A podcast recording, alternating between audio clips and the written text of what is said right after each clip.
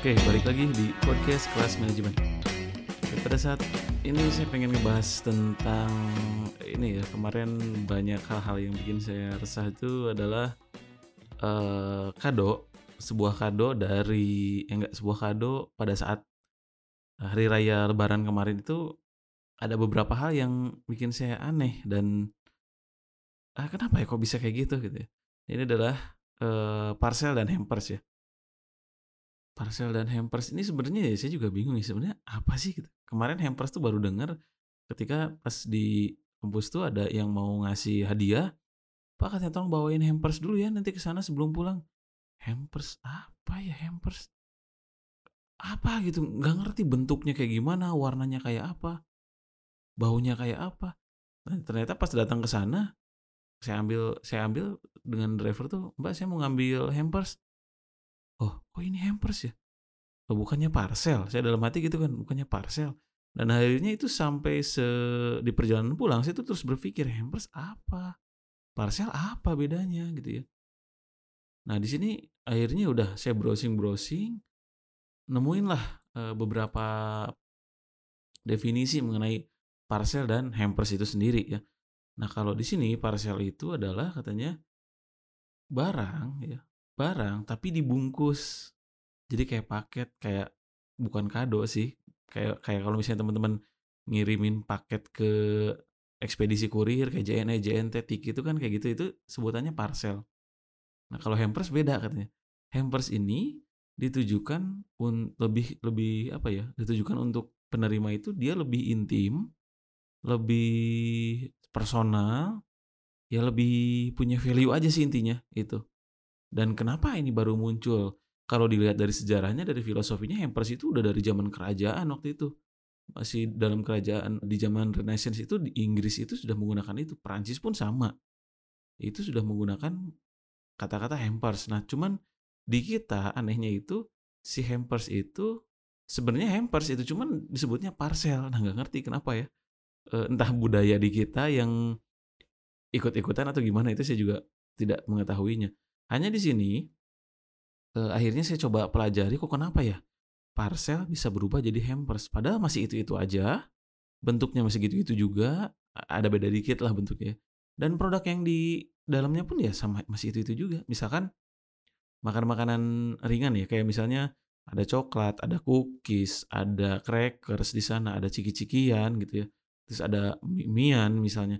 Nah, oh itu kok masih masih itu-itu aja gitu. Nah, tapi yang lucunya sekarang itu adalah harganya bisa berubah. Nah, ini ini nih. Kemarin saya lihat di Twitter dan di Instagram juga itu beberapa sosial media lah. Banyak ibu-ibu, ya kaum-kaum hawa lah gitu ya. Kaum-kaum betina kalau di Twitter. Itu mereka me, bukan menyayangkan sih, lebih ke kaget aja shock katanya. Ini isinya beras, tepung, bla bla bla bla bla sama, tapi harganya sekian dulu juga sama, tapi harganya lebih murah. Itu yang pertama. Terus ada du yang kedua, saya pernah nemuin uh, saudara saya itu bilang, e, ah ini katanya, uh, saya beli kue berapa? 500 ribu, mahal banget ya. Iya 500 ribu katanya. Terus saya lihat, kok bungkusnya beda. Oh ini kayaknya dibikin hampers nih. Kuenya sih itu-itu aja. Terus dengan dengan alasan functional value-nya itu dikeluarin. Ini pakai telurnya sekian. Ya mau pakai telur berapapun buat saya nggak nggak peduli ya. Tapi rasanya enak atau enggak tapi rasanya enak sih. Cuman dari mahal itu oh ternyata usut punya usut dirubah jadi bentuknya hampers. Nah di sini saya bingung juga kenapa ya. Akhirnya coba cari-cari teori dan saya juga sempat ngobrol dengan uh, teman saya. Ini loh the power of rebranding. Oh iya emang dari mana? Oh iya cuman ganti nama ganti ini jadi ini. Tapi saya masih masih bingung juga. Kok cuma ganti nama orang-orang bisa nerima gitu pasar kita bisa nerima. Karena saya lihat juga beberapa artis tuh di uh, Instagram storiesnya itu ada terima kasih ya uh, kiriman hampersnya. Itu benar-benar didesain dikasih boxnya tuh benar-benar apa ya premium banget lah. Terus ada tulisannya di sana. Ya parcel juga nggak beda jauh sih ya. Dulu juga pernah saya ibu saya dapat dari nggak tahu entah koleganya entah mahasiswanya ini apa nih? Ini katanya dapat parcel tapi dulu namanya masih parcel belum belum hampers kayak sekarang ya itu isinya piring dan lain-lain terus ada ada suratnya juga terima kasih ibu atas bla bla bla bla Ya berarti sama aja yang bedanya apa? Oh ini rebranding Nah, tapi rebranding yang seperti apa gitu yang yang saya yang saya bingung gitu ya. Kok bisa rebranding kayak gini gitu. Nah, akhirnya saya menemukan juga sih. Akhirnya saya menemukan uh, salah satu penelitian yang dilakukan oleh Alexander Tevi sama Olutayo Otubanjo ini dari Nigeria ya. Dari Nigeria ini dia membuat penelitian sebuah teori evolusi perspektif tentang mengenai yang namanya rebranding. Nah, jadi dari dari tahun ke tahun tuh ada ada ada ada perubahannya nih. Lucu juga sih ya. Saya lihat-lihat nih. Ini dia ngambil dari dia penelitian dia tahun 2013 nih. Penelitian dia tahun 2013. Terus dia lihat dari 2002 sampai 2006. Nah, di sini ternyata dia tuh nemuin yang namanya ada ternyata rebranding itu bisa di, disebabkan oleh dua eh, dua faktor antara faktor internal atau faktor eksternal. Ada internal driven, internal driver sorry, dan ada external drivers. Kalau zaman dulu itu berpikir rebranding itu hanya eksternal. Jadi, oh pasar lagi butuh kayak gini, kita rubah. Contohnya adalah misalnya TVRI yang yang sekarang kemarin ganti logo ya, beberapa bulan ke belakang ganti logo. Itu sebenarnya dia ngeliat eksternal karena eksternalnya itu di stasiun televisi lain itu udah maju banget. Dia enggak. Oh berarti nih itu uh, rebranding yang jadul tuh ya rebranding jadul. Jadi e, untuk meningkatkan e, ini sih apa namanya keunggulan bersaing sih ya itu yang jadul-jadul. Nah yang sekarang itu lucunya yang paling terakhir itu ditemukan sama si Muzel and Lamkin ini adalah adanya perubahan lingkungan eksternal. Nah ini sih yang yang paling yang sebenarnya udah e, teorinya udah ada cuman baru beberapa dipraktekkan ini baru yang sekarang ya kebetulan hamper sama parcel ini ada perubahan lingkungan eksternal nih atau lingkungan pasar lah ya. Contoh misalkan sekarang kayak gini. Kenapa sekarang convenience store ini lebih diminati sama pasar daripada warung-warung tradisional? Nah itu juga sempat ada penelitiannya. Saya juga kaget sih. Ada peneliti orang kayak gitu ya. Eh, kenapa sih orang-orang kok pada milih? Padahal kalau misalkan ada beberapa toko yang dilihat itu secara kesediaan atau availability produknya itu ada semua. Tapi ini kenapa enggak? Karena ada yang berubah itu adalah external environment yang berubah, lingkungannya udah berubah. Nah, di penelitian yang si convenience store itu, lucunya itu saya lupa nama penelitinya siapa, saya pernah baca itu. Orang itu, alasan utama orang itu nggak mau ke warung tradisional adalah mereka pertama ini adalah tentang ketersediaan barangnya. Nah, orang-orang tuh jadi sekarang, pasar-pasar sekarang itu takut mereka ketika datang ke satu warung, ketika ditanya, ada produk ini nggak? Nggak ada. Nah dia tuh malas untuk nyari-nyari lagi. Nah ini ada perubahan sih, perubahan uh, change in external environment ini di menurut si Muzel and Lamkin juga sama. Dia berbicaranya seperti itu. Kalau untuk internalnya ya pasti biasanya sih perubahan struktur ya itu wajar. Cuman yang lucunya di si Hampers dan Parcel ini adalah secara eksternalnya. Secara eksternalnya mungkin ya ada beberapa orang yang tinggal di luar negeri Terus di Jakarta akhirnya dia menggunakan budaya tersebut di negara ini. Dan akhirnya biasanya eh, apa namanya berputar di daerah sana masuk ke artis akhirnya dilihat sama eh, banyak orang banyak market dan akhirnya kita juga mengikuti hal tersebut. Nah itulah the power uh, of rebrandingnya jadi di sini si uh, hampers ini dia apa ya kalau menurut saya kayaknya pas sih gitu ketika dibawa ke sini dan lingkungannya pun sudah berubah seperti sekarang. Jadi pas gitu pada saat parcel dan hampers ini yang menjadi perdebatan ketika saya tanya apa sih bedanya? Beda. Kalau ini begini kalau ini begini. Perasaan sama aja dalamnya. Suratnya juga ada. Kalau dilihat dari definisi hampersnya juga ada. Gift basket itu kan berarti kan hadiah yang disimpan di dalam sebuah keranjang terus di reka-reka gitu ya parcel juga semuanya gitu. Nah tapi di sini ada yang lucu juga. Oh ternyata ini inilah ya the power of rebranding ini. Jadi ya kita juga nggak bisa menyalahkan market juga sih karena uh, market yang merubah jadi seperti ini. Jadi kalau misalnya ada beberapa orang yang ah sama-sama aja ngapain sih? Apa bedanya? Ini kok jadi mahal?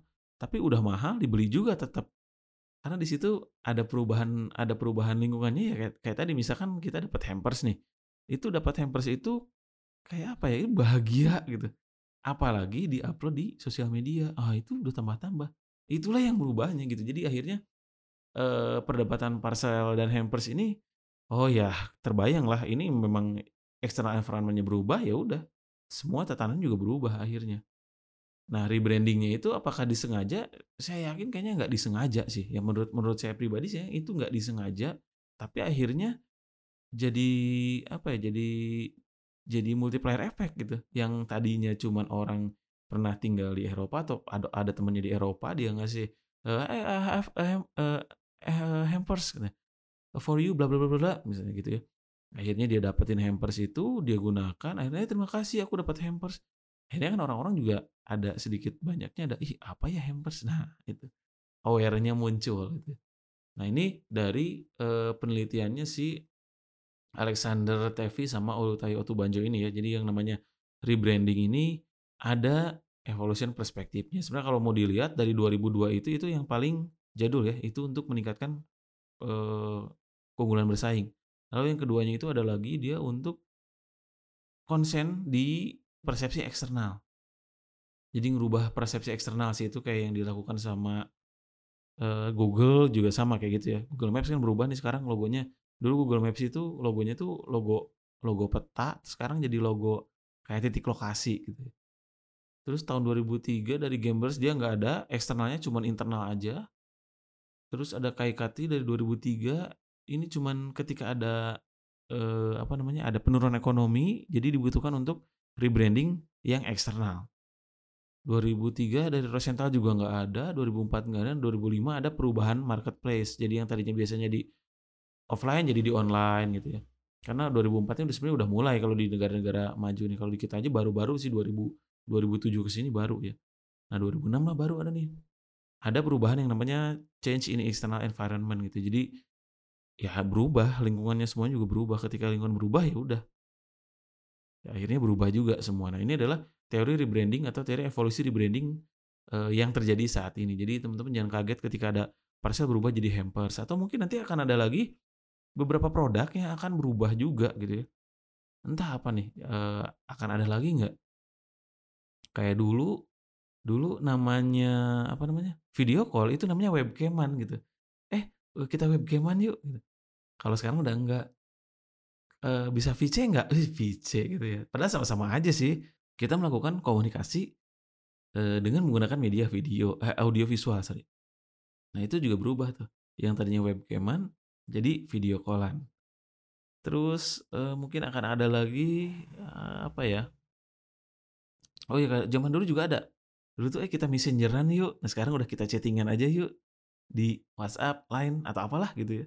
Nah itu itu berubah ya, itu nge-rebranding itu ya karena itu tadi perubahan eh, lingkungan eksternal ya. Jadi jangan kaget ya, kali lagi nih saya jangan kaget ketika nanti teman-teman menemukan hal-hal yang mungkin akan ada yang berubah itu ternyata bukan bukan apa ya, secara fungsional dia tetap sama. Hanya yang jadi pembeda ini adalah si lingkungannya itu jadi nge-rebranding sebuah produk tersebut. Ya mungkin nggak tahu nih nanti akan ada lagi apa nih gitu ya. Zaman dulu udah ada, berubah sekarang jadi apa, ntar sekarang sama masa depan akan berubah lagi jadi apa. Oke mungkin itu aja sedikit yang saya bahas mengenai rebranding parcel menjadi hampers dan meningkatkan harga juga. Itu aja. Kita ketemu lagi di lain kesempatan.